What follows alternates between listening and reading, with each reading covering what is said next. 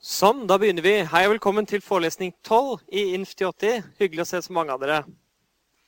Ok, så Nå er vi straks halvveis i kurset. Dette her er forelesning 12. Um, og Det betyr at det er omtrent 12 forelesninger igjen og 12 kapitler igjen i boken. Når vi er ferdig med det som vi snakker om nå, så har vi lært å definere mengder induktivt. Vi har lært om rekursive funksjoner. Vi har lært om matematisk induksjon, og vi, nå lært, vi skal lære i dag om strukturell induksjon.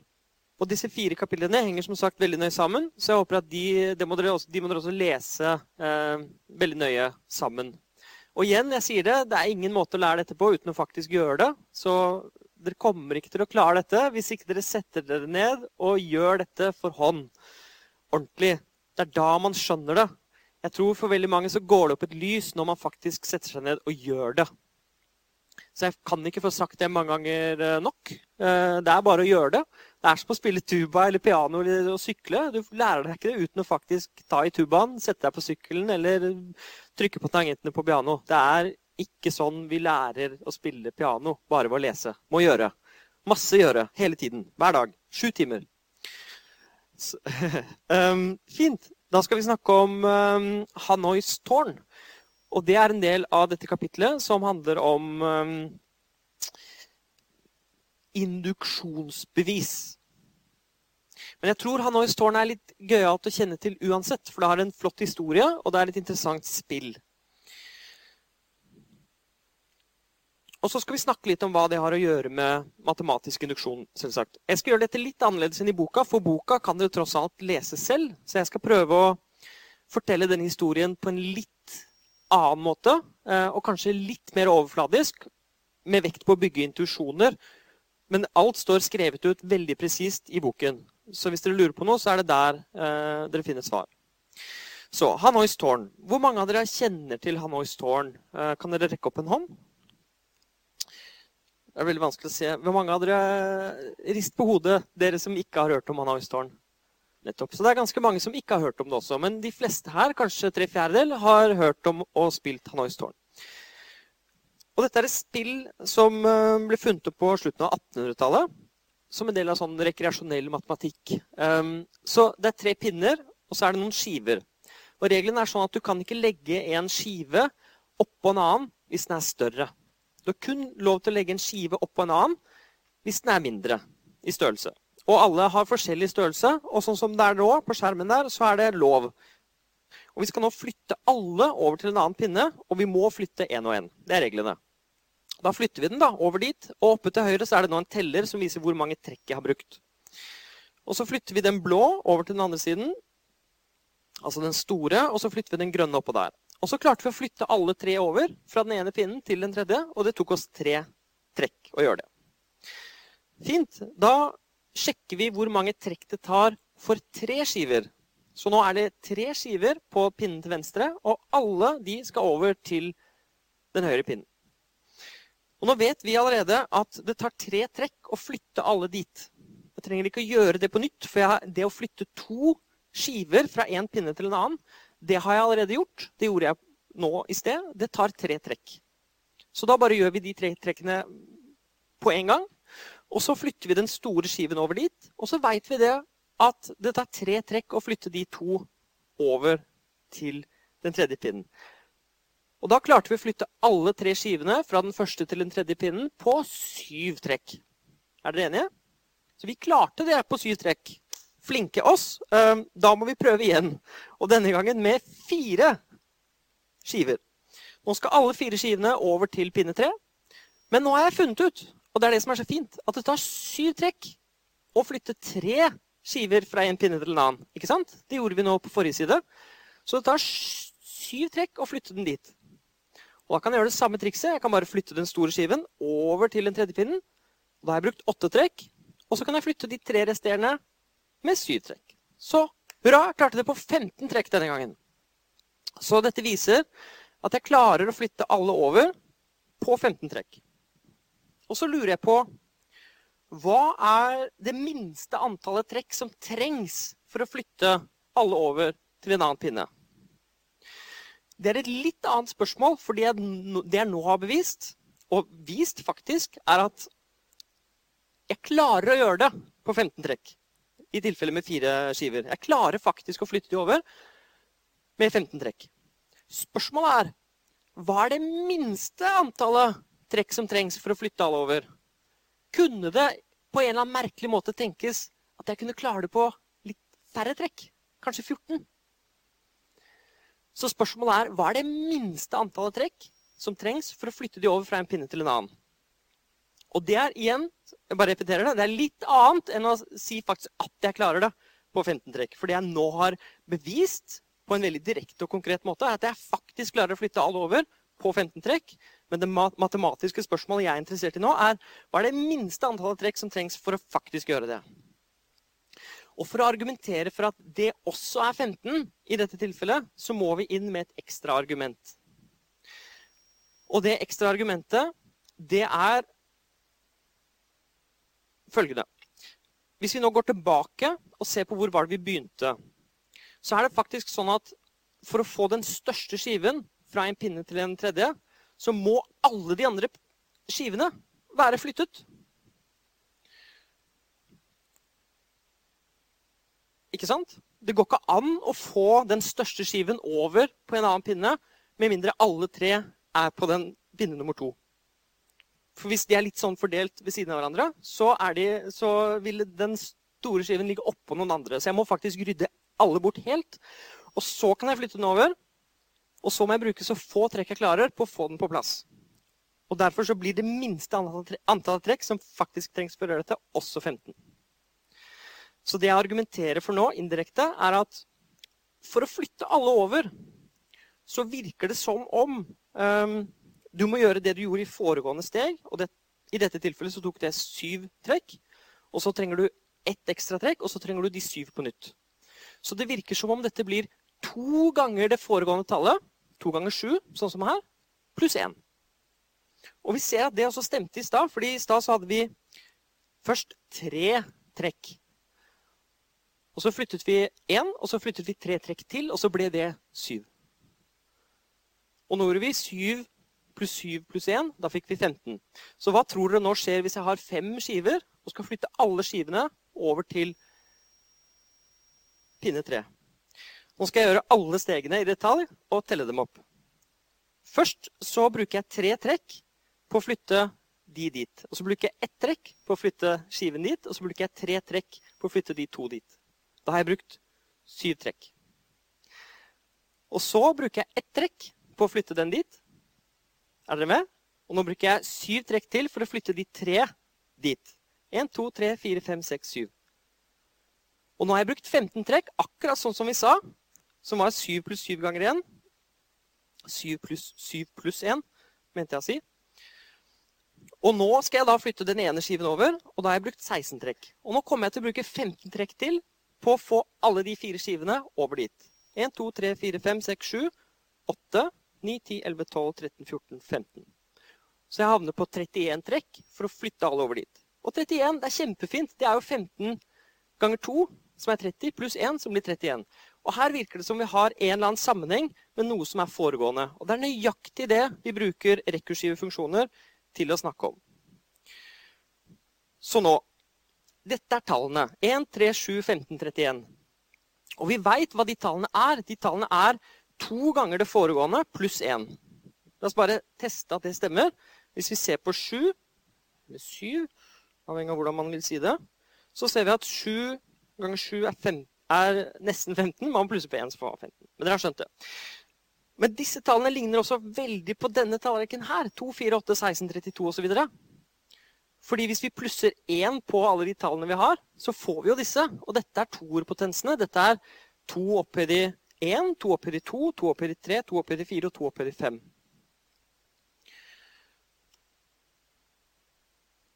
Så hvis vi generaliserer dette, så får vi at dette er to jenter minus 1, hvor n varierer nå i dette tilfellet mellom 1 og 5. Og nå kommer dette med induksjonsbevis og matematisk induksjon. For spørsmålet er, Hva er det minste antallet trekk som trengs for å flytte alle skivene fra en pinne til en annen? Vel, nå lar vi Tn stå for det tallet. T av n representerer nå det minste antallet trekk som trengs for å flytte alle skivene fra en pinne til en annen. Vi har nå argumentert for hva T av 1 og 2 og 3 og 4 og 5 er. F.eks. at T av 5 er 31. Nå skal vi argumentere for at Nei, nå har vi argumentert for at denne sammenhengen holder. Så dette skal vi ikke vise. Dette er nå noe vi allerede skal ta for gitt. Nemlig at det minste antallet trekk som trengs for å flytte n pluss 1 skiver, er to ganger antall, det minste antallet trekk som trengs for å flytte n skiver, pluss 1.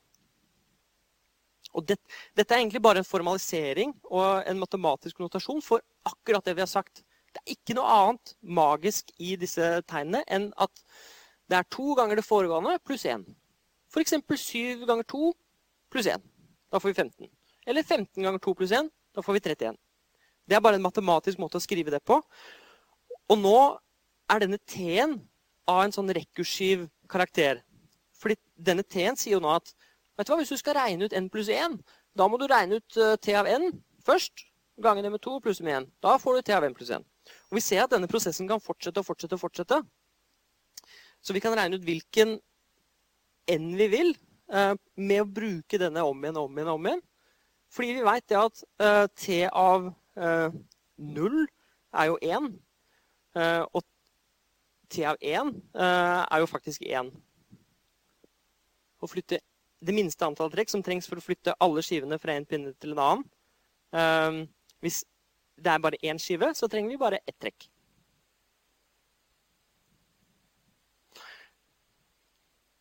Ok, Det vi nå ønsker å vise ved induksjon, er at denne påstanden her holder. Vi har en teori, nemlig. Det er at T av n er lik 2 i NT minus 1. Fordi vi så den sammenhengen i stad. at Hvis vi tok 2 i n minus 1, så fikk vi disse tallene. 15 og 31 og sånn. Og det vi ønsker å bevise nå, er at denne påstanden her, at T av n, som representerer det minste antallet trekk som trengs for å gjøre det, faktisk holder for alle naturlige tall n. Og Da må vi vise to ting i et induksjonsbevis. Vi må vise basissteget, og det er at påstanden holder for n er lik null. Og Hvordan regner vi ut det? Vel, Da må vi se hva t av null er. Og så må vi se hva 2 opphøyd i 0 minus 1 er. Så hva blir det? Hva er t av 0 egentlig? Eh, det minste antallet trekk som trengs for å flytte null skiver fra en pinne til en annen, det høres veldig ut som null trekk for meg. Vi kunne begynt med én, sånn som jeg sa. At det minste antallet trekk som trengs for å flytte én skive, er én. Men det går ut på ett. Så vi får her at begge disse to tallene er lik null, fordi to oppe i nullte det er faktisk noe som er én, og én minus én det er null. Så begge disse to tallene blir null. Men uansett hvordan du vender og vrir på det, så får du eh, et greit bevis for dette basissteget. Induksjonssteget er å vise at hvis påstanden holder for n, så holder den også for n pluss 1. Da må man ikke glemme hva, eh, hva, påstanden er. Det må man hele tiden huske på. Så hvis vi nå antar at påstanden er sant for n, hva betyr det? Jo, det er at t av n er lik 2 i n til minus 1. Da bare antar vi at det er sant for n av n. Og dere kan godt forestille dere at n nå er lik 5, eller et eller annet sånt, og bare ha det som et eksempel løpende mens dere gjør beviset. Men det er viktig å merke seg at argumentasjonen må fungere for alle tall n, ikke bare tallet 5. Man kan godt ha et konkret tall i bakhodet, men argumentasjonen må holde uansett hva som står der. Vi kaller dette for induksjonshypotesen. Det er en antakelse som vi bruker for å komme videre, og nå skal vi vise at påstanden holder for n pluss 1. Så fra denne må vi da vise at t av n pluss 1 som representerer det minste antall trekk for å flytte n pluss 1 skiver fra en pinne til en annen, er lik 2 opphøyd i 1 pluss 1 minus 1. Og Det som står der, er bare påstanden hvor jeg har satt inn n pluss 1 for n. Så det der er en påstand om tallet n pluss 1. Og Det vi gjør da, er å regne. Vi ser hva er det t av n pluss 1 er, og vi har nå allerede argumentert for at det må være to ganget med T av n pluss 1. Så, og dette kan vi også se på som hvordan T-en er definert, eh, og hva vi har funnet ut av den. Så vi kan godt si at dette er per definisjon av T. Og så har vi en induksjonshypotese der oppe som står i blått. Og det er at T av n er lik 2 i n til minus 1. Og det betyr at vi kan bytte ut det som nå står der, T av n, med det uttrykket. 2 i n til minus 1. Og dette her som står her nå, det er nøyaktig det som står på linjen over, men jeg har byttet ut det ene i blått med det andre i blått. Og dette er da å bruke induksjonshypotesen, og det er det vi gjør her. Vi bruker det vi har antatt, og så bytter vi ut noe likt med noe likt. Og Herfra ut så er det bare regning, og da må man regne seg frem til at dette uttrykket blir 2 opphøyd i n pluss 1 minus 1, som er dette som står her. Det er målet vårt, og når man gjør et induksjonsbevis, så må man aldri glemme hva som er målet. Man kan ikke bare sitte og regne på måfå. Man må vite hvor man skal. Man må vite hvor man begynner, og hvor man skal. I dette tilfellet så begynner vi med t av n pluss 1, og så regner vi. Nå har vi regnet i to steg. Nå skal vi regne litt mer, og det vi skal frem til, er målet, og det er dette her. Og da ganger jeg inn den toeren i det uttrykket som står der. Og nå må man kunne litt regneregler. Men det jeg gjør her, er å gange to med to i jente. Da får jeg to i opphøyd i 1 pluss 1. Og så ganger jeg toeren med minus 1, eller 1, og da får jeg 2. Og så lar jeg pluss 1 bare stå. Og dette får jeg da ved multiplikasjon, eller gange. Og nå skal jeg bare bruke litt pluss og minus, for her står det minus 2 pluss 1. Og hvis jeg slår sammen minus 2 og pluss 1, så får jeg minus 1. Så dette er ved addisjon. Og nå er jeg ferdig, for nå har jeg vist at jeg kan regne meg fra t av n pluss 1 til det som står der. Og det er det jeg ville vise. Så det vi nå har vist, er induksjonssteget, som er at hvis påstanden holder for n, så holder den også for n pluss 1. Uansett hva jeg setter inn for n, så har jeg nå vist at hvis påstanden holder for n, så holder den også for n pluss 1. Og dermed kan jeg si ved matematisk induksjon følger det at påstanden er sann for alle naturlige tall. Er det noen spørsmål til dette? dette her, nå er beviset ferdig. Eh, dette var et bevis ved matematisk induksjon. Det jeg beviste, det var at påstanden er sann for alle naturlige tall. Hva er påstanden? Jo, det var at T av n er lik 2 jente minus 1. For absolutt alle n. Gjorde jeg to steg. Jeg viste basissteget. Det var at påstanden var sann for null. Og så viste jeg at hvis påstanden var sann for n, så er den sann for n, 1, n pluss 1, og det er det som står på tavla nå.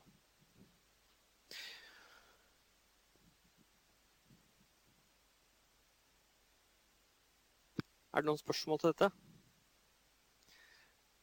Jeg prøver å fortelle historien om matematisk induksjon på mange forskjellige måter. Eh, men jeg vet at dette her trenger trening.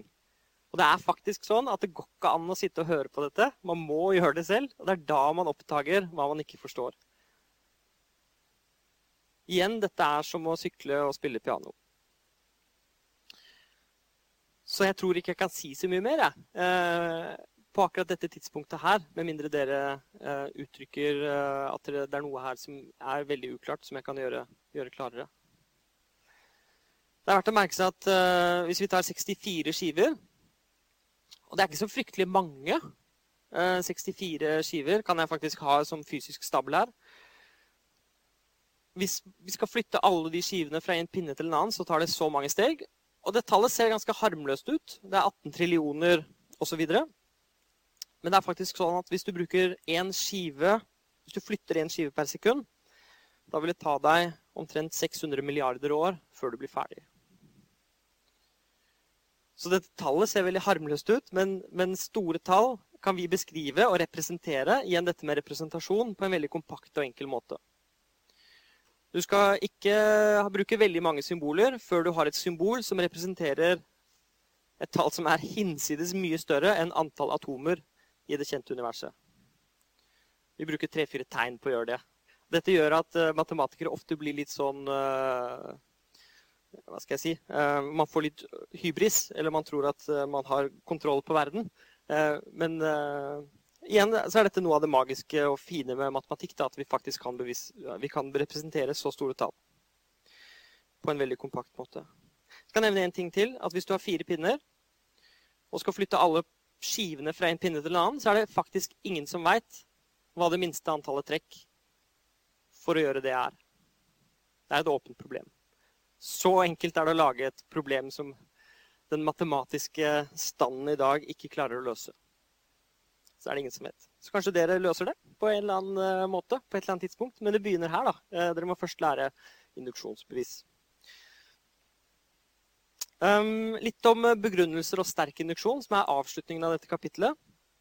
Så hvorfor funker egentlig matematisk induksjon? Og, noen vil jo kanskje da si du, du bruker et prinsipp her. Hvorfor holder det? Uh, kan det ikke være sånn at dette er usant? Jeg tror ikke noe på deg, um, etc. Vel, et svar, et enkelt svar på dette er at vi antar at det funker. Så så der har du den. Vi bare, vi bare, antar det, og så ser vi hvor de leder hen, og, og, det går bra, da. Så de leder ikke galt av sted.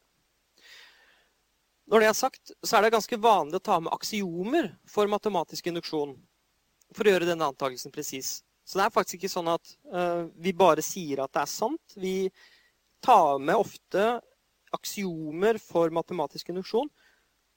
Og det er en måte å presisere bare at vi antar det på. Så er det noen som sier men kan du ikke bevise det, da? At matematisk induksjon faktisk er sant? At hvis du har dette og dette og dette, så, så følger dette og dette og dette, og at dette er et gyldig matematisk prinsipp? Vel, vi kunne ha bevist at matematisk induksjon er et gyldig prinsipp. Men i den prosessen så ville vi ha antatt og tatt i bruk et annet prinsipp som var tilsvarende sterkt. Altså Vi ville sannsynligvis ha brukt et eller annet aksiom, en eller annen metode, for å bevise det, som var nesten akkurat det du skulle bevise. Men nå er vi inne på et område som er langt utenfor pensum. Men jeg nevner det fordi mange er nysgjerrige på det, og det går an å begrunne matematisk induksjon eh, på en presis måte. Det vi skal gjøre, er å lære håndverket matematisk induksjon. Og ikke grave oss ned i, i, i, dybden og i fundamentet. Vi skal bruke det. Vi skal kunne bruke det på en måte for å bevise at en påstand er sann for alle tall. Og da beviser vi at påstanden er sann for null. Og så beviser vi at hvis den er sann for et eller annet tall, så er det også sant for det neste tallet. Og så konkluderer vi med matematisk induksjon om at påstanden må være sann for absolutt alle tall. Det er også noe som heter sterk og komplett induksjon. og Det har jeg ikke brukt noe tid på, men i noen mattekurs og noen kontekster så bruker man tid på det. og Så definerer man det for at man skal ha hørt begrepet. Vi har ikke diskutert det. På engelsk heter det 'strong' eller 'complete induction'. Det betyr at i induksjonssteget så antar vi at påstanden holder for alle naturlige tall mindre eller lik n, ikke bare n. Og fra det så viser vi at påstanden holder også for n pluss 1. Det er en litt sånn subtil forskjell mellom å, mellom anta at påstanden holder for n, og så skal du vise at den holder for n pluss 1, og det å anta at den holder for alle tall som er n eller mindre, og så fra det vise at den er sann for n pluss 1. Men hvis vi tenker litt etter, hvis dette induksjonsprinsippet eh, har fungert, så veit vi det at den er sann for absolutt alle. Eh, fordi den var jo sann for 0 og 1 og 2 og 3 og 4 opp til n. Så dette er ekvivalent med det vi har sett, men det kan være praktisk å kunne referere til alle de foregående påstandene, og ikke bare den forrige. Og i noen kontekster så trenger vi det. Og når man trenger det, så sier man gjerne et eller annet om sterk eller komplett induksjon. Men dette trenger dere egentlig ikke å henge dere så fryktelig opp i. Det som er det viktige, det er å lære matematisk induksjon sånn som vi har sett det. Da er eh, vi ferdig med kapittel 11. Er det noen spørsmål til det? Nå har vi tatt matematisk induksjon, og jeg har sagt det jeg vil si om det. Um, hvis det ikke er noen spørsmål til dette prinsippet eller til noen av disse teknikkene, så går vi videre til strukturell induksjon, som er kapittel 12. Som er det samme, men mye mer generelt. Det er ikke nøyaktig det samme, det er mer generelt. Sånn. Ingen spørsmål? Nei? Ok, jeg veit at dette er vanskelig, eh, eller at det kan føles vanskelig. Altså, det er faktisk sånn at dette er ikke vanskelig. Altså, det er ikke det. Altså, man tror det fordi man ser meg stå der og prate, og så henger man ikke helt med. Men i det øyeblikket dere setter dere ned og gjør dette, så kommer dere å oppleve at dette er mye enklere enn det dere tror. Jeg har et spørsmål. Ja, en kommentar.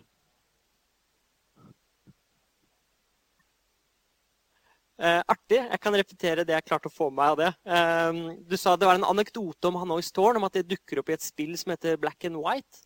Uh, som handler om uh, Gud og en munk som skal flytte et tempel. Du er en gud, og så skal munken flytte noen skiver og et tempel. Ja. Hanois tårn dukker opp mange steder, spesielt når matematikere og informatikere står på stand og skal snakke til unge mennesker om hva informatikk er. Vi har også hatt med oss Hanois tårn på sånne steder som The Gathering. Og det er alltid utrolig populært. Og det kommer alltid en eller annen uh, liten deltaker, ganske ung, uh, som ønsker å slå oss og gjøre dette raskest. Og da konkurrerer vi gjerne med fem uh, skiver. Og hvis det spillet blir kjedelig, så endrer vi på reglene. F.eks. at du må gjøre de blinde med én hånd, eller, eller, at noen flere ting er lov. Så det er mange varianter av, av denne type spill. Det er også ofte noe som man bruker i programmeringsøvelser. Eh, dere kommer til å få oppgaven å programmere dette sannsynligvis på et eller annet tidspunkt. Altså programmere en algoritme som løser Hanois tårn, og så analysere eh, hvor mange steg den algoritmen bruker for å løse det. Nå er det sånn at Hvis du programmerer algoritmen perfekt, så går det ikke an å gjøre det på færre steg enn to opp i til minus 1. Og det er det vi nå har bevist da, og diskutert. Men dette står skrevet ut i stor detalj i boken, så jeg anbefaler dere å lese det hvis dere er mer nysgjerrig på det. Da er vi fremme ved strukturell induksjon, og dette har jeg gledet meg til. For det er eh, på en måte enklere enn matematisk induksjon fordi det er mer generelt. Matematisk induksjon er et spesialtilfelle av dette her. Så det vi nå skal snakke om, er strukturell induksjon. Så i dette kapitlet så lærer du da strukturell induksjon, og det er en generalisering av matematisk induksjon som fungerer for alle induktivt definerte mengder. Og Naturlige tall er jo et spesialtilfelle av det. Du lærer å bruke denne metoden til å bevise påstander om bitstrenger, utsagnslogiske formler, lister og binære trær. Det er det som er det kraftige ved denne metoden, fordi matematisk induksjon bruker vi til å bevise påstander om naturlige tall. Og det er vanlig standard matematikk. Men vi jobber med objekter som er mye vakrere og mye mer generelle enn naturlige tall. Og så kan vi bruke denne metoden for å bevise egenskaper om dem. På akkurat samme måte som vi beviser egenskaper ved naturlige tall. En, så vi skal snakke om induktivt definerte mengder. Og vi må huske hva det er. Og jeg har lyst til å komme med én analogi eller metafor som er litt ålreit. Jeg har en veldig sånn fysisk forhold til dette med induktivt definerte mengder. Um, og jeg ser nesten for meg dette som sånn skrupanel. Altså, du, du, bestemmer deg for hva basismengden skal være. Og du skrur du litt. Jeg, skulle, jeg vil ha med 0 og 1 og noen tall og sånn. Og så du, har, du noen andre sånne skruknotter du, hvor du velger operasjonene som mengden skal være lukket under. Kanskje jeg vil ha den lukket under og legge til eh, minus. Jeg kan lukke under pluss og litt rød og litt sånn. Og så renner det ut objekter etter hvert som jeg skrur. Hvis jeg skrur basismengden ned til null, og den inneholder ingenting, da stopper det. Da kommer det ingenting ut. Hvis jeg vrir den bitte litt opp, så er det fullt trøkk igjen. Og hvis jeg skrur ned alle operasjonene på null, så kommer det heller ingenting ut. Bortsett fra det ene som, eller andre, eller kanskje alt som er i basismengden, det kommer ut da. Og det kan være endelig mange eller uendelig mange. Men så skrur jeg bitte litt på en sånn operasjon, og så bare renner det ut igjen. Uendelig mye. Og her kan jeg være sånn uh, operatør. Jeg kan drive og skru avhengig av hva jeg vil ha ut eh, fra denne maskinen. Jeg har nesten en sånn fysisk følelse for dette med induktivt definerte mengder. At det er et eller annet som vi gjør. Vi bestemmer hva som skal komme ut, og vi må skru riktig, ellers så går det riktig dårlig av sted. Og når vi skal bevise ting om alt det som renner ut av denne, så er vi nødt til å se på innstillingene her. Vi er nødt til å se hva var basismengden. Jo, det var 0 og 1. OK, da må vi bevise noe om 0 og 1. Og hva var operasjonene? Å ja, det var sånn og sånn og sånn. Da er vi nødt til å gå inn på akkurat de operasjonene og undersøke hva de gjør. Og alt avhenger av hvordan disse innstillingene er. Hvis man har skrudd alt dette på plass på en måte, så får man ett sett, en induktivt definert mengde. Og har man skrudd det på en annen måte, så får man en annen. Så Derfor så må vi gå tilbake og se på innstillingene. Det var det jeg ville si med den. Um, så la oss nå snakke om strukturell induksjon. Det er en generalisering av matematisk induksjon Hva er det vi gjør? I matematisk induksjon så benytter vi oss egentlig av den induktive definisjonen av mengden av naturlige tall.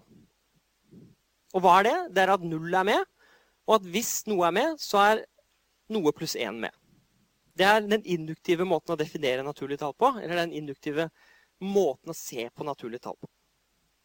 Nå skal vi generalisere matematisk induksjon altså det å bevise noe ved matematisk induksjon, slik at metoden kan brukes for absolutt alle induktivt definerte mengder, ikke bare naturlige tall. Dette kalles strukturell induksjon og er en veldig kraftig måte å bevise noe på. Så når er det vi bruker denne metoden? Jo, vi bruker den når vi ønsker å bevise at alle elementene i en sånn mengde har en bestemt egenskap. Og på samme måte som med matematisk induksjon, så har et sånt bevis et basissteg og et induksjonssteg. Og disse følger strukturen til den induktive definisjonen til punkt og prikke. Helt nøyaktig. Og her kommer definisjonen av strukturell induksjon, som bare er en generalisering av definisjonen av matematisk induksjon. Så vi kan godt ha det i bakhodet som et konkret eksempel på strukturell induksjon. Så anta at en mengde er induktivt definert. At vi har disse innstillingene som definerer hva basismengden er, og som forteller hva operasjonen er. For å vise at en påstand er sann for absolutt alle elementene i den store mengden, så er det nok å vise følgende. Det er to steg. Det er basissteg og induksjonssteg. Påstanden holder for absolutt alle elementer i basismengden. Dette steget kalles basissteget. Enkelt og greit. Du er nødt til å vise at påstanden er sann for absolutt alt som er i basismengden. Det er det. Og hvis mengden er lukket under en operasjon, som gjør at x fremkommer fra x1, x2 opp til xn, uansett hva det er.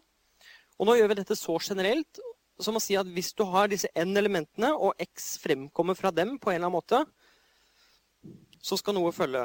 Og dette kan da være, hvis, hvis vi har å gjøre med naturlige tall, så er det n pluss 1-operasjonen. Hvis vi har å gjøre med utsagnslogiske formler, så er operasjonen den som tar to formler og, og legger på et og-tegn mellom og setter på noen parenteser rundt. Det er en av operasjonene der. Eller som tar en eh, bit-streng og legge på en null bak. Det er en operasjon der. Så, så nå generaliserer vi det og det, snakker om alle mulige sånne operasjoner på en gang. Så, hvis mengden er lukket under en sånn operasjon, og påstanden holder for alle de mindre elementene En eller annen påstand holder for alle disse mini-elementene.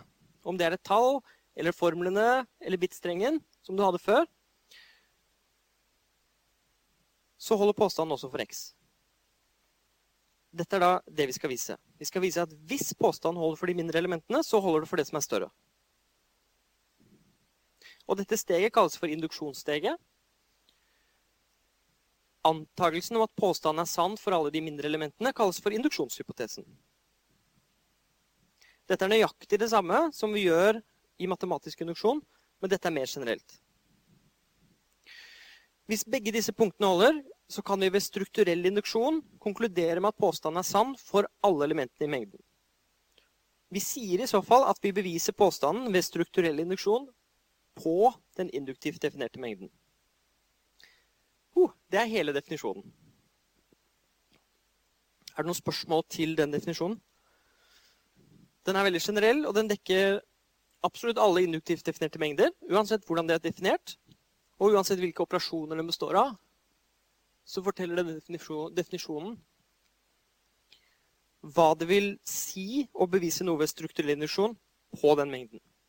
Jeg tror igjen at dette er noe som kanskje blir tydeligere og klarere når vi gjør konkrete eksempler. Men la oss ta et spørsmål først. Spørsmålet er hva er basismengden? Og svaret er det kommer an på hvordan du har definert den induktivt definerte mengden. Hvis det er naturlig tall du holder på med, så er basismengden mengden som består av tallet null. Hvis mengden er de utsagnslogiske formler, så består basismengden av alle de utsagnsvariablene du bestemmer deg for å ha med deg. Hvis det er mengden av bitstrenger vi snakker om, så er det de minste strengene, som er 0 og 1, som er med der.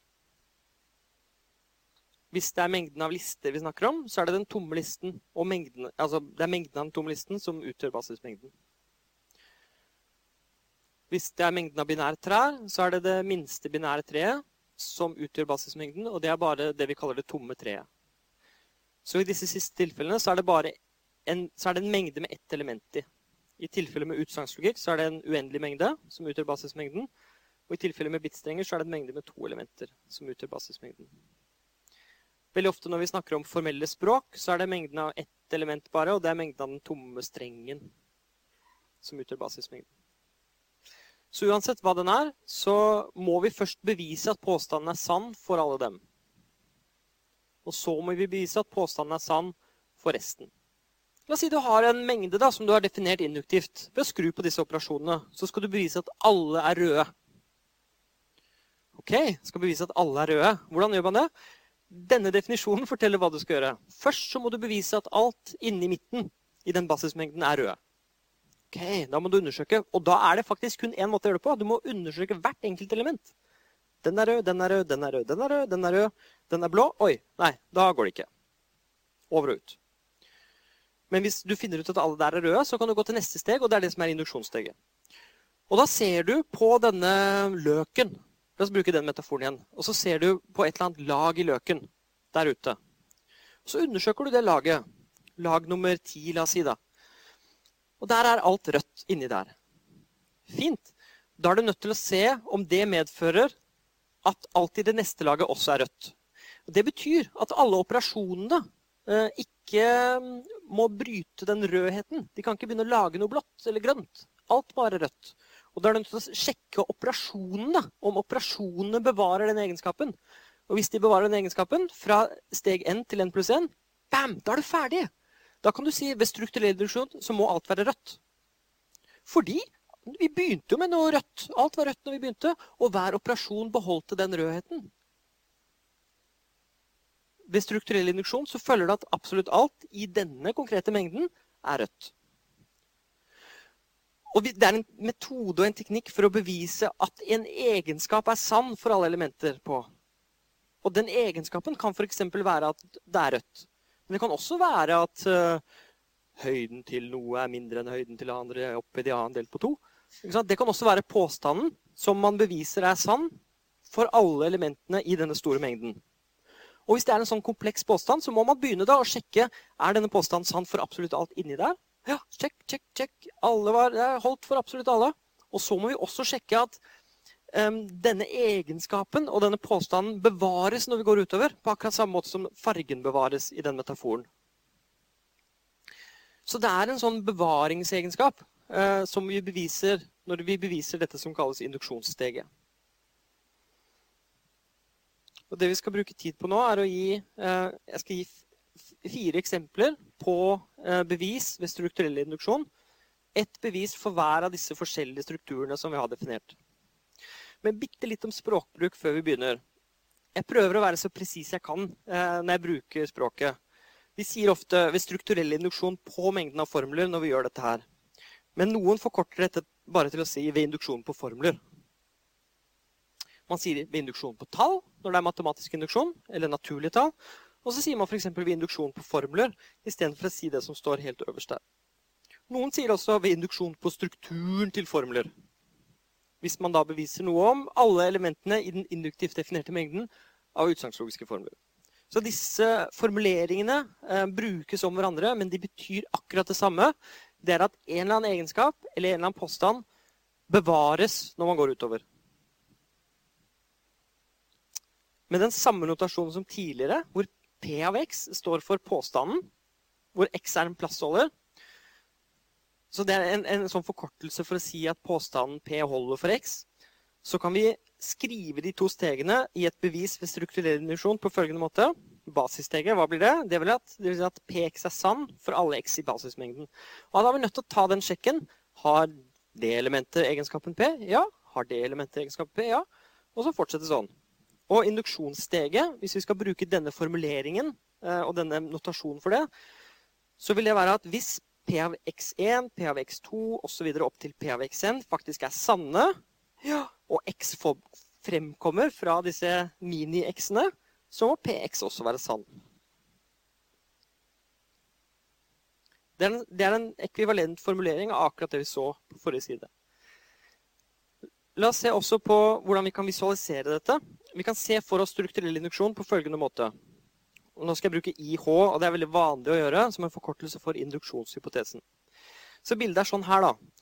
Det å bevise basissteget, det er å vise at alt i midten i den induktivt definerte mengden, som nå er visualisert som en liten sånn løk, har en egenskap.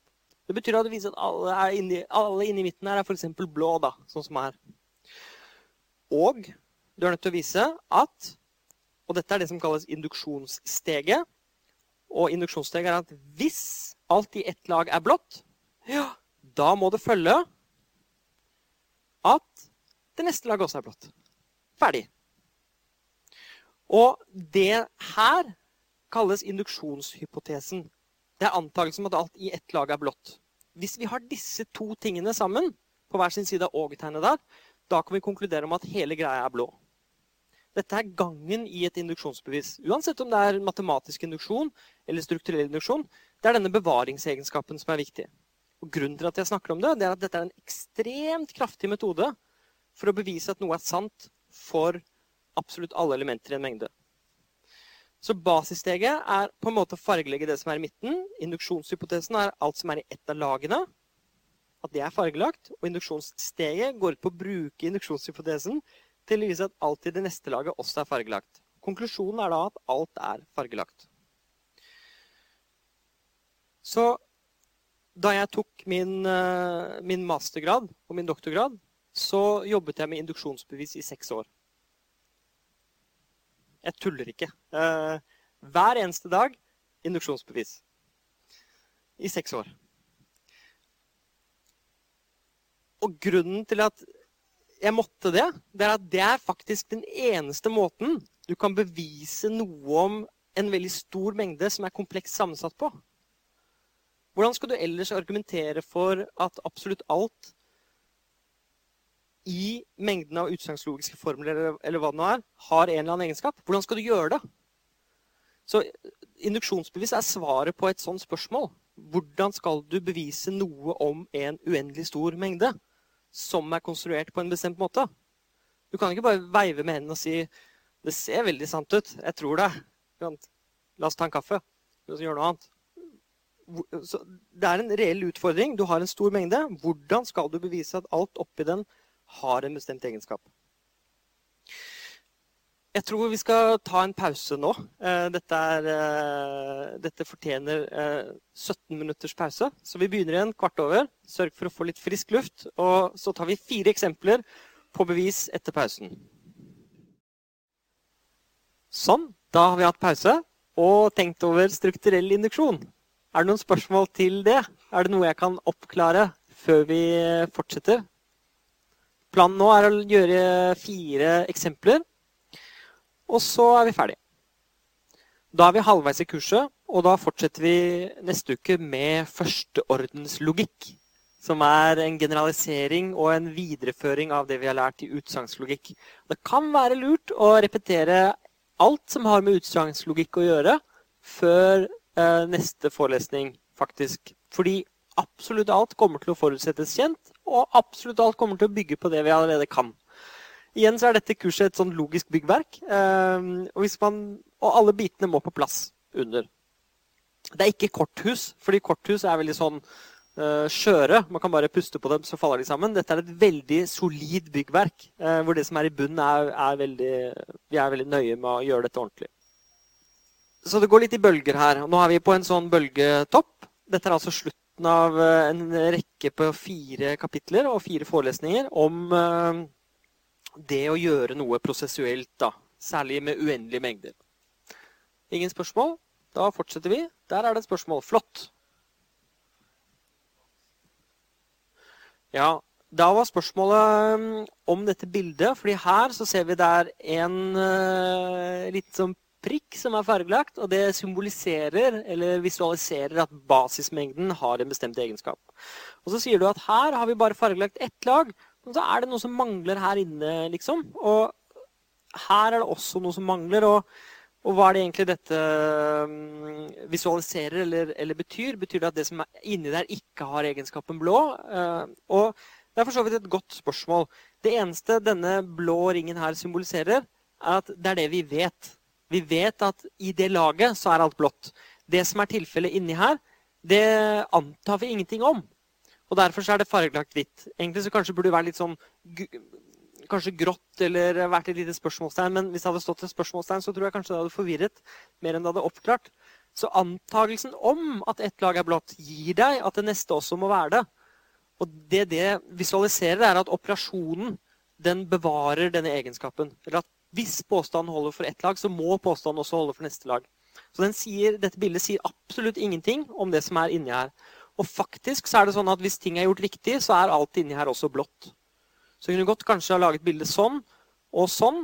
Eh, det ville også funket. Dette er en utfordring i hvordan visualiserer du noe på best mulig måte. Og jeg har valgt denne visualiseringen for å si at Det er kun antakelsen om det laget du bruker, for å da vise neste. Det er viktig å være nøye når man bruker metaforer. Altså Metaforer, analogier og bilder og sånn er veldig bra for å bygge opp forståelse, men man må ikke eh, bruke det feil. Så når jeg sier om transitivitet, f.eks., at hvis du går to steg, så skal du kunne gå det samme i ett, da betyr ikke det at vi skal gå med kroppene våre fra en, fra en, prikk til en annen og gå over piler. Det er en metafor, en analogi for en eller annen prosess vi gjør, som egentlig er mye mer presis og nøyaktig. Men jeg prøver å tegne sånne bilder for å gjøre det tydelig. da. Men det er viktig å ikke la de metaforene gå over styr. Eh, men det er utrolig gode hjelpemidler. Så jeg vil også oppfordre dere til å lage deres egne metaforer for alle disse, for alle disse begrepene. Så mye dere bare klarer i absolutt alle kurs. Jo flere måter dere kan se på et fenomen på, jo flere metaforer dere klarer å grave frem, jo bedre forstår dere fenomenet som dere forsøker å forstå. Og som dere forsøker å forklare. Ok, så La oss nå gå i gang med disse eksemplene. Nå skal vi høre strukturell induksjon på bitstrenger. Og Mengden av bitstrenger, hvordan er de definert? Vel, Vi definerte bitstrenger induktivt som den minste mengden, som inneholder 0 og 1. Det er basismengden. Og som er slik at hvis B er med, så er B0 og B1 også med. Det er induksjonsstegene og operasjonene som vi lukker denne mengden under. For å da vise at en påstand er sann for alle bitstrenger ved strukturell induksjon, så må vi vise basissteget og induksjonssteget. Basissteget er å vise at påstanden er sant for alle elementene i basismengden. At påstanden er sant for 0, og at påstanden er sant for 1. Induksjonssteget består av å vise følgende to deler. Én for hver operasjon mengden er lukket under. Og da er det sånn at For alle bitstrenger B så må vi vise at hvis påstanden er sann for B, så er den sann for B0. For det er en operasjon som, eh, som kan skje på bitstrenger. Så det er en operasjon som den mengden er lukket under. Og for alle bitstrenger B, hvis påstanden er sant for B, så må den også være sant for B1. Fordi det er to operasjoner, så er vi faktisk nødt til å vise begge disse påstandene. Vi er nødt til å vise at hvis noe holder for B, så holder det også for B0. Og for B1. Vi kan godt dele de to påstandene og bevise de separat. Det viktige er at vi beviser at egenskapen blir bevart. Vi definerte en funksjon V fra bitstrenger til naturlige tall på følgende måte. Så la oss gjenta den definisjonen. Vi sa at V av 0 er lik 0, og V av 1 er lik 1. Denne funksjonen går fra da mengden av bitstrenger til mengden av naturlige tall. Dette er hva elementene i basismengden får for verdi. Vi kan tenke på V som en forkortelse for verdien til. Så verdien til 0 er 0, verdien til 1 er 1. Og så kan vi si at verdien til B0 er lik to ganger verdien til B. Dette er en rekursiv funksjon som vi kan tenke på som en funksjon som først regner ut V av B, og ganger resultatet med 2. Da får vi verdien til B0. Vi må også si hva funksjonen skal gjøre for alle bitstrenger som slutter på tegnet 1. Og da sier vi at du skal gjøre det samme, men du skal plusse på 1 i tillegg. Dette er en rekursiv funksjon på mengden av bitstrenger. Vi kan nå regne ut at V av 1, 1, det er da to ganger med V av 1 pluss 1. Og hva er det? Det blir 3. Fordi to ganger 1 pluss 1 er lik 3. Vi kan også se og regne ut at funksjonen returnerer det samme uansett hvor mange forekomster av null vi legger til på venstre side. Ved å eksperimentere litt så kan vi si, se at V av 0, 1, 1 gir oss 3. Og V av 0, 0, 1, 1 gir oss også 3. Og det vi ser her, er en funksjon som faktisk gir oss verdien til en bitstreng hvis vi tenker på den som et binært tall i totallssystemet. Og da spiller det ingen rolle hvor mange nuller vi har foran. På samme måte som 0023 er det samme som 23 når vi skriver fire tegn etter hverandre. Så det virker som om VAB er lik V av 0B. Og at denne likheten holder for absolutt alle bitstrenger B. Og det er det vi nå skal bevise ved strukturell induksjon som det første eksempelet på strukturell induksjon. Og nå lar vi P av B stå for påstanden V av B er lik V av 0B. Og nå må vi passe på, fordi mengden av bitstrenger er konstruert ved å legge til et eller annet på høyre side. Hvis vi har en eller annen bitstreng B, så kan vi legge til 0 og 1 på høyre side. Altså bakerst, lengst til høyre, for å få en ny bitstreng. Det denne påstanden sier noe om, er at hvis du har en bitstreng B, og tar verdien til den og sammenligner med verdien til det du får hvis du legger til 0 foran, altså på venstre side, så blir det akkurat det samme. Og det er en ikke-triviell påstand, eh, så den må vi bevise. Og en måte å bevise det på er å bruke dette som heter strukturell induksjon. Så la oss nå bare huske hva påstanden er. Dette er det vi skal bevise. At V av B er lik V av 0B, uansett hva B står for. Nå kommer beviset. Vi skal nå bevise den påstanden for alle binære Alle bitstrenger skal stå der. Ehm, og Grunnen til at jeg gjør det, er at jeg skiller mellom bitstrenger og binære tall. På samme måte som vi skiller mellom et siffer og et tall i språkene våre. Altså en sekvens av siffer, 2, 3, 4, representerer et tall, 234. Så her skal det stå bitstrenger. Vi beviser nå at den påstanden holder for alle bitstrenger B ved strukturell induksjon. Så nå, igjen så lar vi PAB stå for det som står der. Først må vi vise basissteget, og det består av å vise at PA0 og PA1 er sanne. Og det vi da må gjøre, er å faktisk sette inn 0 og 1 i påstand B. Og da må vi se hva som står her. Her står det V av B og V av 0B. Da må vi sette 0 inn for B i begge de tilfellene. Og så må vi vise at det faktisk er sant. Hva får vi da? Jo, vi får jo V av 0, for vi setter inn 0 for B der. Og så må vi vise at det blir lik V av 0, 0, da. Fordi det er det vi får når vi setter inn 0 for den B-en der. Så hvordan gjør vi det? Vel, vi veit at V av 0 er lik 0. Eh, og det er hvor, hvor, Hvorfor vet vi det? Bare for å sjekke at dere er våkne. Hvorfor kan jeg skrive den likheten? Hva er det som legitimerer at jeg kan skrive V av 0 er lik 0? Jeg må alltid begrunne hver eneste likhet, ja. Det sto på forrige side, og hvorfor sto det der? Nettopp fordi det er sånn V-en er definert. Så her bruker vi definisjonen av V for å si det. Og så sier jeg at 0 er lik 2 ganger 0. Hva er det som legitimerer at jeg kan si det? Vel, det er egenskaper ved multiplikasjon og gange. Og det vi kjenner til, vi kjenner til egenskapene ved 0 og 2 og gange. Og vi veit at dette stemmer. Hvis du ganger noe med 0, så får du 0. Og nå er det sånn at dette er lik 2 ganger V0. Hvorfor det? Jo, det er fordi 0 er lik V av 0, og det har vi allerede argumentert for. Per definisjon så er det sånn. Det som er fint nå, er at det der er lik V av 0, 0. Og nå har jeg laget en sekvens med likheter som begynner her med V0, som representerer V av B eller ikke som representerer, men som er da V av B, hvor jeg har satt til 0 for B. Så har jeg regnet meg bortover, og så her har jeg kommet meg frem til V av 0B. Fordi det er PB vi skal vise, og setter inn noe der. Så dette er det ene basissteget, hvor jeg beviser at hvis jeg setter inn 0 for um, B, så får jeg noe som er sant. Men da må jeg gjøre det samme for 1 også, fordi 1 også er i basismengden. Og nå må jeg sette inn da um, 1 for B, og da får jeg at V av 1 er lik 1 per definisjon av V. Og jeg kan da vise at det er lik 2 ganger 0 pluss 1 ved vanlig regning.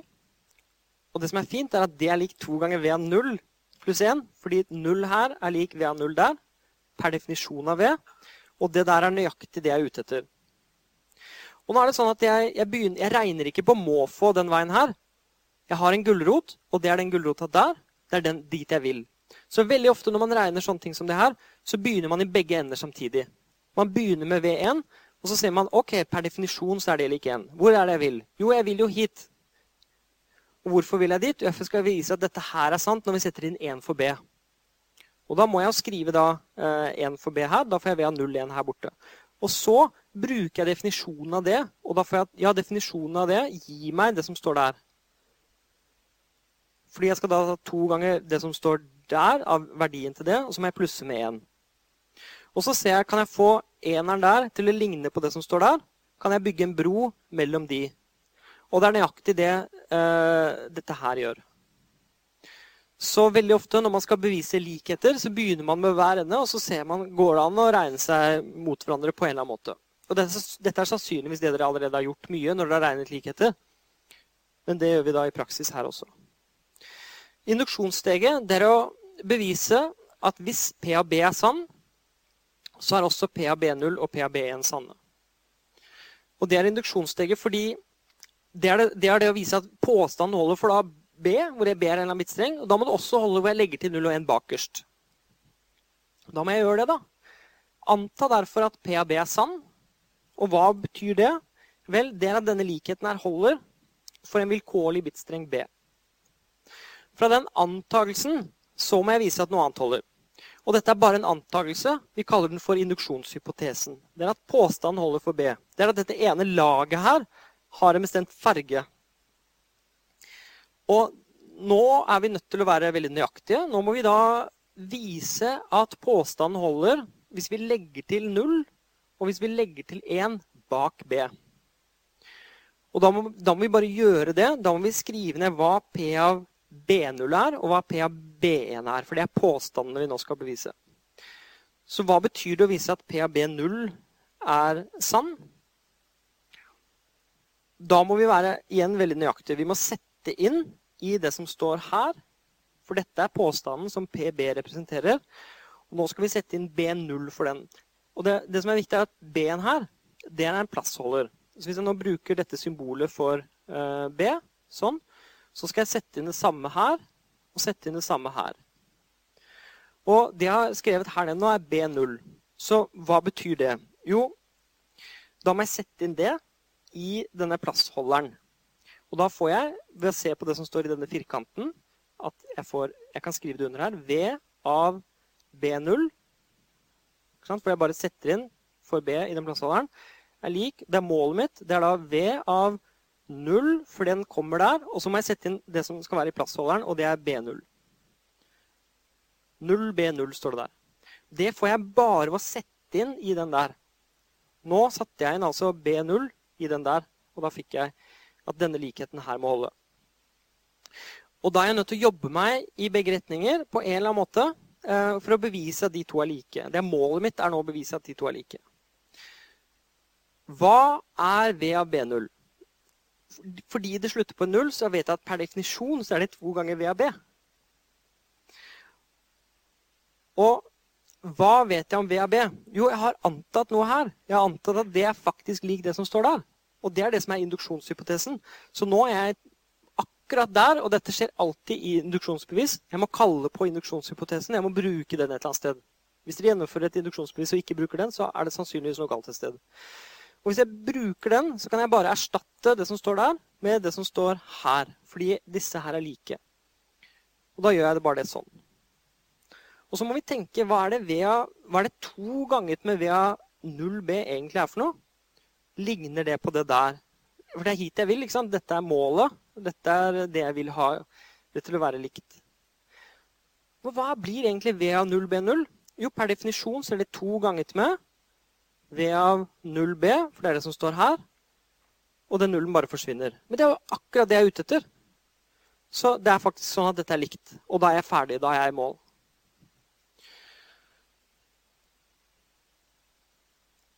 Så alle disse likhetene holder.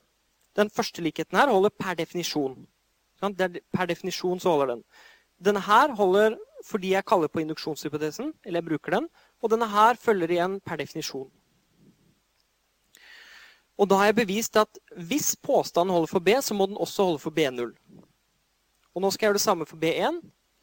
Og da fungerer det på samme måte. V av B1 det er jo da to ganger V av B pluss 1 per definisjon.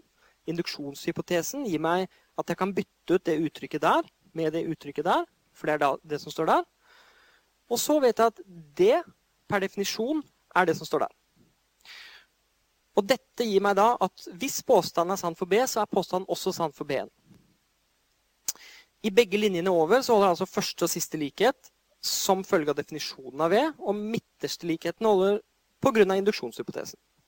Da kan vi si ved strukturell induksjon på mengden av bitstrenger så følger det at V av B er lik V av 0B. At det er sant for alle bitstrenger B. Da lurer jeg på om det er noen som har noen spørsmål. Her står det altså bitstrenger. Det er hele beviset. Jeg har et spørsmål. Fint. Var det ingen spørsmål allikevel? Det angret seg. Jo? Ok, Spørsmålet var eh, Jeg skjønner ikke helt hva to ganger noe gjør med hele greia. Og nå er det sånn at to ganger noe, det er eh, Her skal det fremdeles stå bitstrenger. Det er vilkårlig Altså, det kunne gjerne vært noe annet. Men måten å definere V på, det er å si at V av 0 er lik, og så må vi ta et valg. Og da, da velger vi at V av 0 skal være lik 0. Og vi velger at V av 1 skal være lik 1.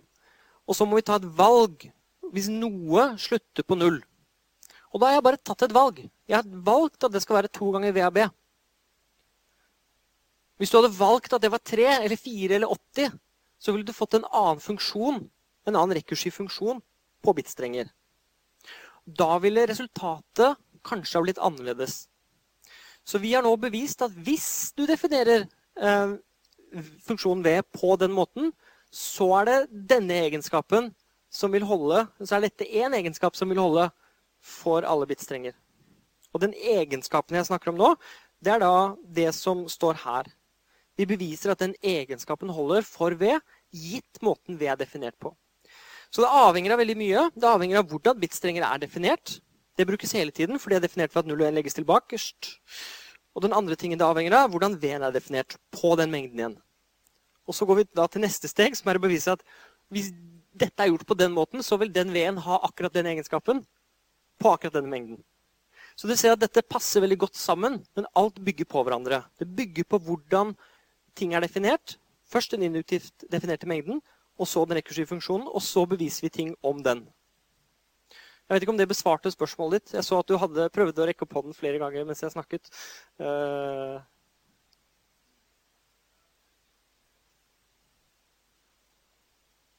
Kommentaren var jeg tenkte at jeg kunne finne ut av det selv og ikke ta tiden. Uh, men jeg respekterer det, men jeg vil også at dere skal spørre hvis noe er uklart. I tilfelle jeg kan oppklare ting for, eh, for andre som lurer på det samme. Så det er bare å spørre. Ikke vær redd for å spørre om dette. Det er, eh, dette er en sånn ting som krever øvelse. Jeg fikk noen spørsmål i pausen forresten om, eh, om akkurat dette, og svaret var, som det veldig ofte er, du må se på definisjonen. Du må se på definisjonen av den induktivt definerte mengden du jobber med. Hvis du ikke kjenner til basismengden og operasjonene der, altså tillukningsegenskapene, så er, du, så er du lost. Så det må være på plass. Og så må du ha på plass hvordan ting er definert oppå den. Og så kan du begynne å bevise ting. Da går vi videre til neste eksempel, og det er strukturell induksjon på formler. Og igjen skal vi gjøre den samme øvelsen. Og Mengden av utsagnslogiske formler den er induktivt definert. Da må vi repetere hvordan den er definert. Og den er definert med en basismengde som er uendelig stor. Den inneholder alle bokstaver. P, Q, R, kanskje P1, P2, P3 osv. Så er det fire operasjoner. Det er de som da tar to formler og setter sammen disse formlene med og, eller eller pil. Eller som tar én formel og legger til ikke foran. Det er de fire operasjonene. Dermed kan vi bruke strukturell induksjon til å vise at en påstand holder for absolutt alle utsagnslogiske formler. For å vise at en påstand er sann for alle utsagnslogiske formler, så må vi vise basissteget. Og hva er det? Jo, det er at påstanden er sann for alle utsagnsvariabler. Vi må vise induksjonssteget. Og det består av fire like viktige deler. Og dette er så viktig. Hvis påstanden er sann for formelen F, så er påstanden også sann for formelen ikke F. Og nå bruker vi ordet påstand på en litt sånn høyreordens måte sammenlignet med påstander i eh, og utsagn i utsagnslogikk. Vi snakker om formelen F, at den har en egenskap. Kanskje den er grønn. Da må ikke F også være grønn. Det er det vi viser her. Det er en metafor. da. Så Hvis vi klarer å vise at F har x antall symboler, så skal f.eks. ikke F ha x antall symboler. Det er noe sånt på gang. Hvis påstanden er sann for både formelen F og formelen G, så må den også være sann for konjunksjonen av formlene med parentes rundt. Tilsvarende for L-er og pil. Når vi har vist disse stegene, disse fire stegene, så er vi ferdig med induksjonsbeviset. Vi må selvfølgelig også vise basissteget. Basissteget og et tilfelle for hver operasjon er tilstrekkelig. Nå skal vi bruke det til å løse et problem. Hvordan kan vi bevise at et uttrykk som står der, ikke er en utsagnslogisk formel? For der står det et uttrykk med to venstre parenteser, en Q og en Å og en P, og en høyre parentes. De fleste av oss vil si at uh, nei, den der er ikke gyldig fordi den har to venstre parenteser. Og så kommer jeg og spør Hvorfor ikke det? Kan det ikke hende at den, er, at den dukker opp et eller annet sted? Vi har definert mengden av, altså, mengden av utsagnslogiske formler induktivt. Kan det ikke hende at den dukker opp kanskje i steg million, million og én, så plutselig popper den inn? Nei, ville du sagt da. Eh, den kan ikke det, fordi alt må ha en bestemt form osv. Men vi skal vise at det faktisk er umulig. Og det er som regel mye vanskeligere å bevise at noe er umulig, enn å vise at noe er mulig. Fordi å vise at noe er umulig, er egentlig noe universelt. Vi beviser at absolutt alle måter å prøve dette på feiler. Og det er en mye sterkere påstand enn at noe faktisk er mulig. Det kan være noen ganger både bedre og enklere å bevise en påstand som faktisk er sterkere enn den vi egentlig ønsker å bevise. Og det jeg mener med sterkere, er at i dette tilfellet så kan vi f.eks. bevise at hvis et uttrykk har forskjellig antall venstre- og høyreparenteser, så er det ikke en utsagnslogisk formel. Ok, Så nå må dere tenke dere at jeg har klart å bevise det. At hvis noe har forskjellig antall venstre- og høyreparenteser, så er det ikke en utsagnslogisk formel. Hvis jeg klarer det, så impliserer jo det at denne faktiske, konkrete formelen som står øverst her, ikke er det. For det er et spesialtilfelle. Og det er det jeg mener med at jeg skal nå prøve å bevise noe som er sterkere og mer generelt. Jeg skal bevise denne påstanden her i stedet for. Og så skal jeg gjøre et triks. Jeg skal ta det kontrapositive av dette. Og det er at hvis noe faktisk er en utsagnslogisk formel, så har det like mange venstre som høyre parenteser. Ser dere at det er det kontrapositive? Så her står det i dette tilfellet kan jeg for si at hvis et uttrykk har forskjellig antall venstre- og høyreparenteser, så er det ikke en utsagnslogisk formel. Det kontrapositive av det er da å ta negasjonen av det som står bakerst. Og negasjonen av at det ikke er en utsagnslogisk formel, er at hvis noe er en utsagnslogisk formel, så må det ha likt antall venstre- og høyreparenteser. Det betyr bare å gå tilbake. Så Først så står det hvis noe har et forskjellig antall høyre, og høyreparenteser, så er det ikke en utsagnslogisk formel. Det er det første som står. Og så sier jeg at ja, men det er jo ekvivalent med det kontrapositive. At hvis noe er en utsagnslogisk formel, så er det ikke forskjellig antall venstre- og høyreparenteser. Med andre ord, det er like mange venstre- og høyreparenteser. Så jeg tar negasjonen av det. Det havna her. Og etter negasjonen av det, og det havna her. Det er det vi kaller det kontrapositive.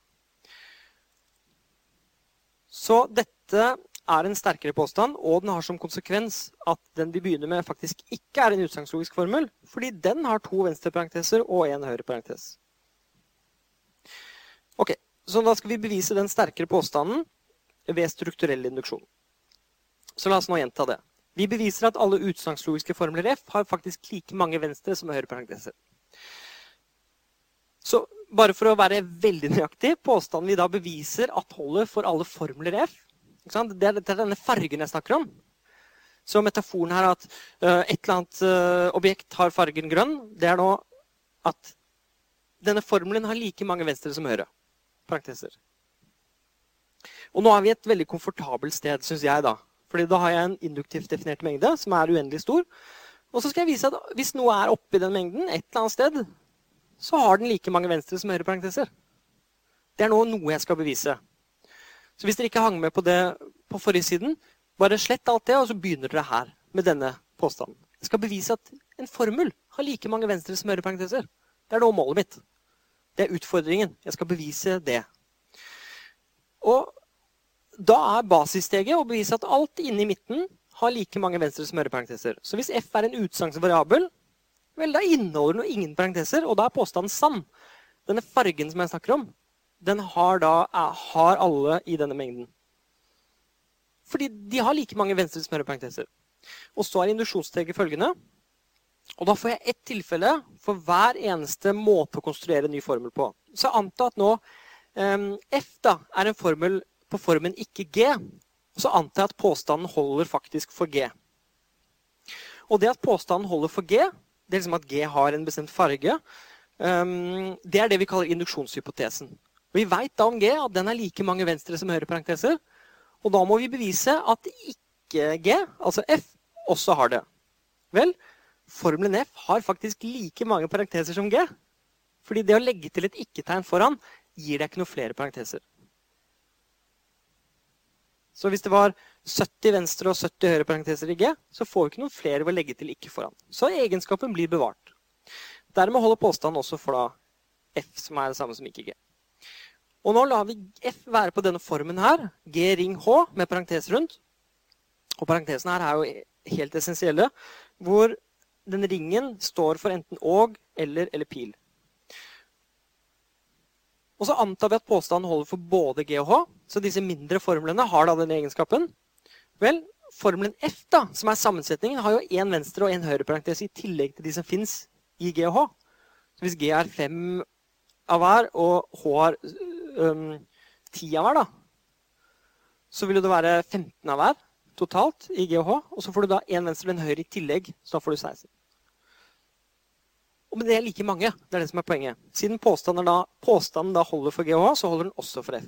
For det å legge til én venstre og én høyre gir deg ikke noe mer av den ene eller den andre. Så denne egenskapen med at de må ha like mange, blir bevart.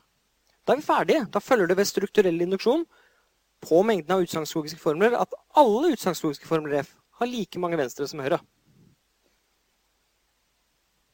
Så dette viser hvordan vi kan bevise noe ved strukturell induksjon på mengden av utsagnslogiske formler. Du beviser at alt i basismengden har en egenskap, og at den egenskapen blir bevart.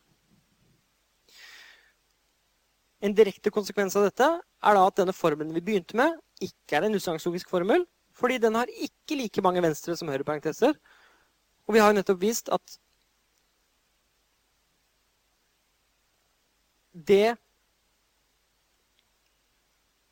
er sånn at alle utsagnslogiske formler F har like mange venstre som høyreparenteser. Den har ikke det, og dermed er den ikke en utsagnslogisk formel.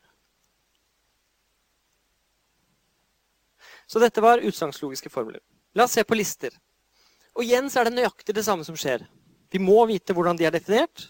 Vi bruker funksjoner på de mengdene som er definert rekursivt, og så beviser vi ting om dem.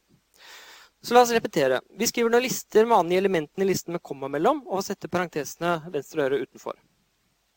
Og Vi antar at denne funksjonen med to prikker tar to argumenter, ett element i x og en liste L, og så gir det en ny liste ut. Det må legge da elementet x inn først i L. Og dette er en veldig interessant ting, fordi hvis du da tar uh, A og legger inn i listen som består av B og C, så får du listen som består av A, B og C. Og vi ser at vi legger inn fra venstre. Når vi definerte bit-strenger, så la vi til 0 og 1 på høyre side.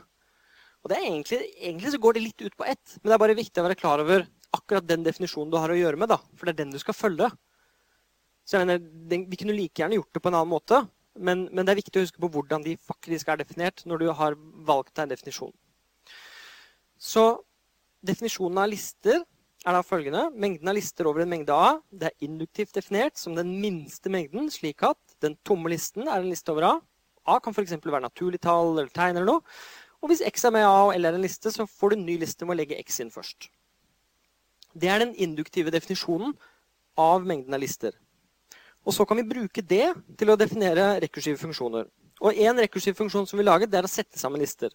Og det var da denne pluss-funksjonen. Og den tar to lister, f.eks. 2, 3. Så plusser du med 2, 8. Da får du listen som er 2, 3. 2, 8. Sånn. Så den bare slår sammen to lister til én.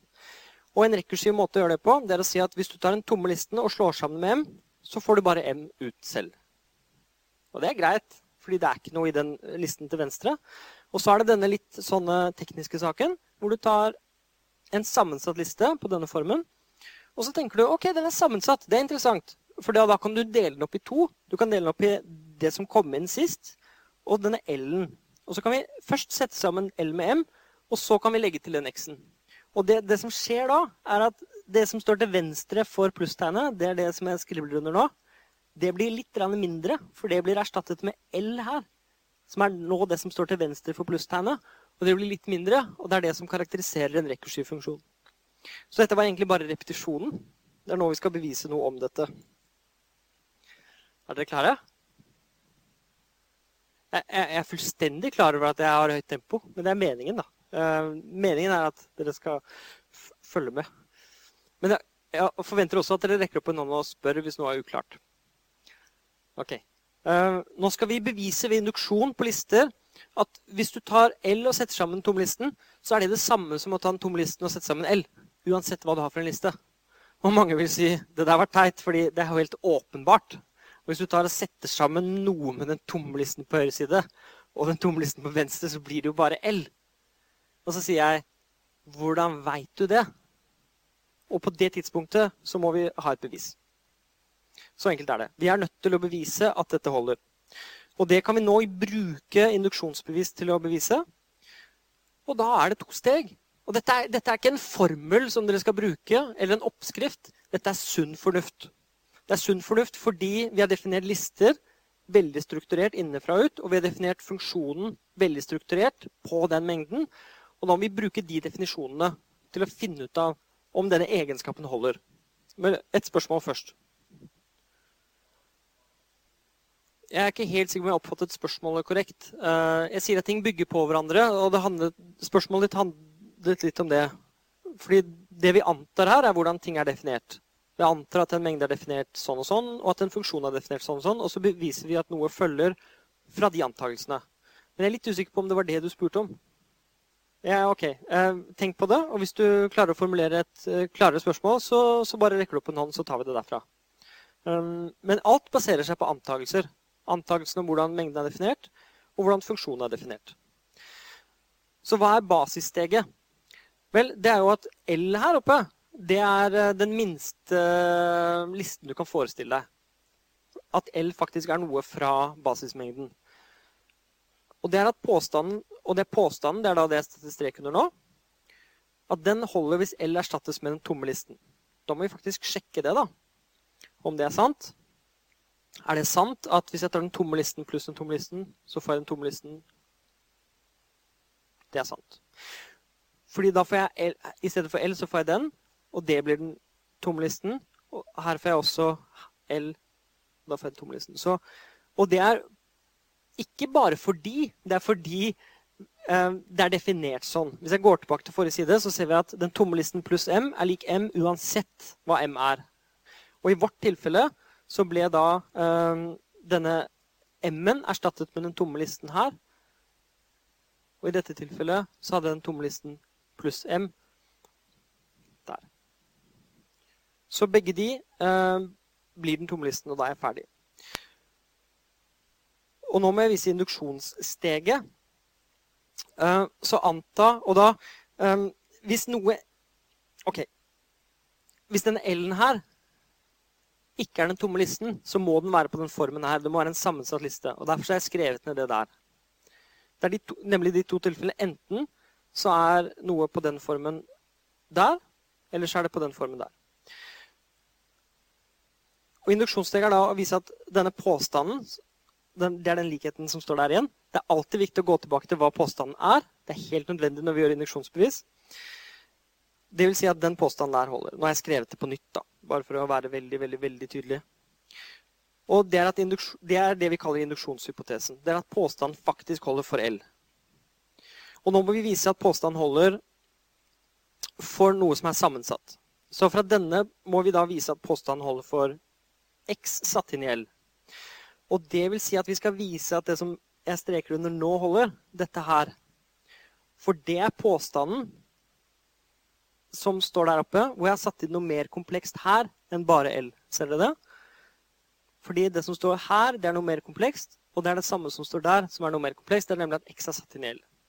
Så igjen så er det denne løken. Vi har vist at en egenskap holder for, for de listene som er på ett nivå. Og så ser vi på hva er det som eh, er tilfellet laget utenfor. Jo, det er tilfellet hvor jeg har tatt en liste fra laget innenfor og lagt til en X utenfor. Og på dette tidspunktet så er det nesten sånn som det er for tall. Det er, det er faktisk bare regning. Um, men vi må huske på hva vi skal frem til. Vi begynner nå med å anta, den, uh, anta dette. Altså, vi begynner med et uttrykk på den formen. Og så skal vi gradvis komme oss til dette uttrykket her. Hvordan kan vi gjøre det? Og da må vi tenke. Altså, det, det, er ingen annen måte å gjøre dette på enn faktisk å tenke. Vi er nødt til å undersøke hvordan kan vi komme oss fra det som nå står her, og komme oss videre. Er det noen som har noen forslag til det? Nå står vi her da, eh, med et problem. Et matematisk problem. Vi har fått utdelt et uttrykk. Det er det uttrykket der. Og så spør jeg hva gir det oss? Hva, hvordan kan jeg komme meg fra det uttrykket til noe annet? Hva er dette uttrykket lik? Ja? Så det du sa, var Kan du ikke gjøre som du gjorde på forrige side? Hvor, uh, flytte plusstegnet, kalte du det. Sånn at du får L plusset med den tomme listen i stedet for det som står der. Og det er jeg helt enig i. Uh, det er et veldig godt forslag. Men hvorfor kan jeg bare gjøre det? Det er en helt spesifikk grunn til at vi kan gjøre noe med dette uttrykket. Det er fordi det symbolet som står der, det er en rekursiv funksjon som er presist definert. Vi har definert hva den funksjonen der skal gjøre når det som står på venstre side, er noe som er sammensatt. Vi har bare definert noe. Og når vi gjorde det, da vi gjorde det, så hadde vi full frihet. Vi kunne gjøre hva vi ville. Og så valgte vi å gjøre en helt spesifikk ting. Og nå skal jeg skrive ned på Jeg skal klikke, og det som kommer, det er det valget vi gjorde. Jeg bare gjentar at det valget kunne vært noe helt annet, men vi har faktisk definert pluss til å gjøre noe helt spesifikt. Og det er det som kommer nå. Det er det der. Så den likheten kommer ved punkt to i definisjonen av pluss eller sammensetning fordi vi har valgt det sånn. Og grunnen til at det funker, at, og til at det faktisk er en rekursiv funksjon, er at her ser vi på argumentene til pluss. Det er noe som er stort der, og så er det noe der. Og her, hva er argumentene til pluss her? Det er noe som er litt mindre, og så er det det samme. Og fordi vi går fra noe til noe som er litt mindre, så funker det. Det er grunnen til at vi faktisk får en rekursiv funksjon når vi gjør det der. Så den likheten følger pga. definisjonen av pluss. Ikke noe annet. Ikke noe magi. Det er definisjonen av pluss som gjør at det der holder. Og nå spør jeg hvordan kan vi komme oss videre? Her står det noe. Og nå er det så fint, da, for jeg har faktisk antatt at det noe, det er det akkurat det som står der. Ser dere at de to ligner uh, OK, nå skal jeg være veldig, veldig uh,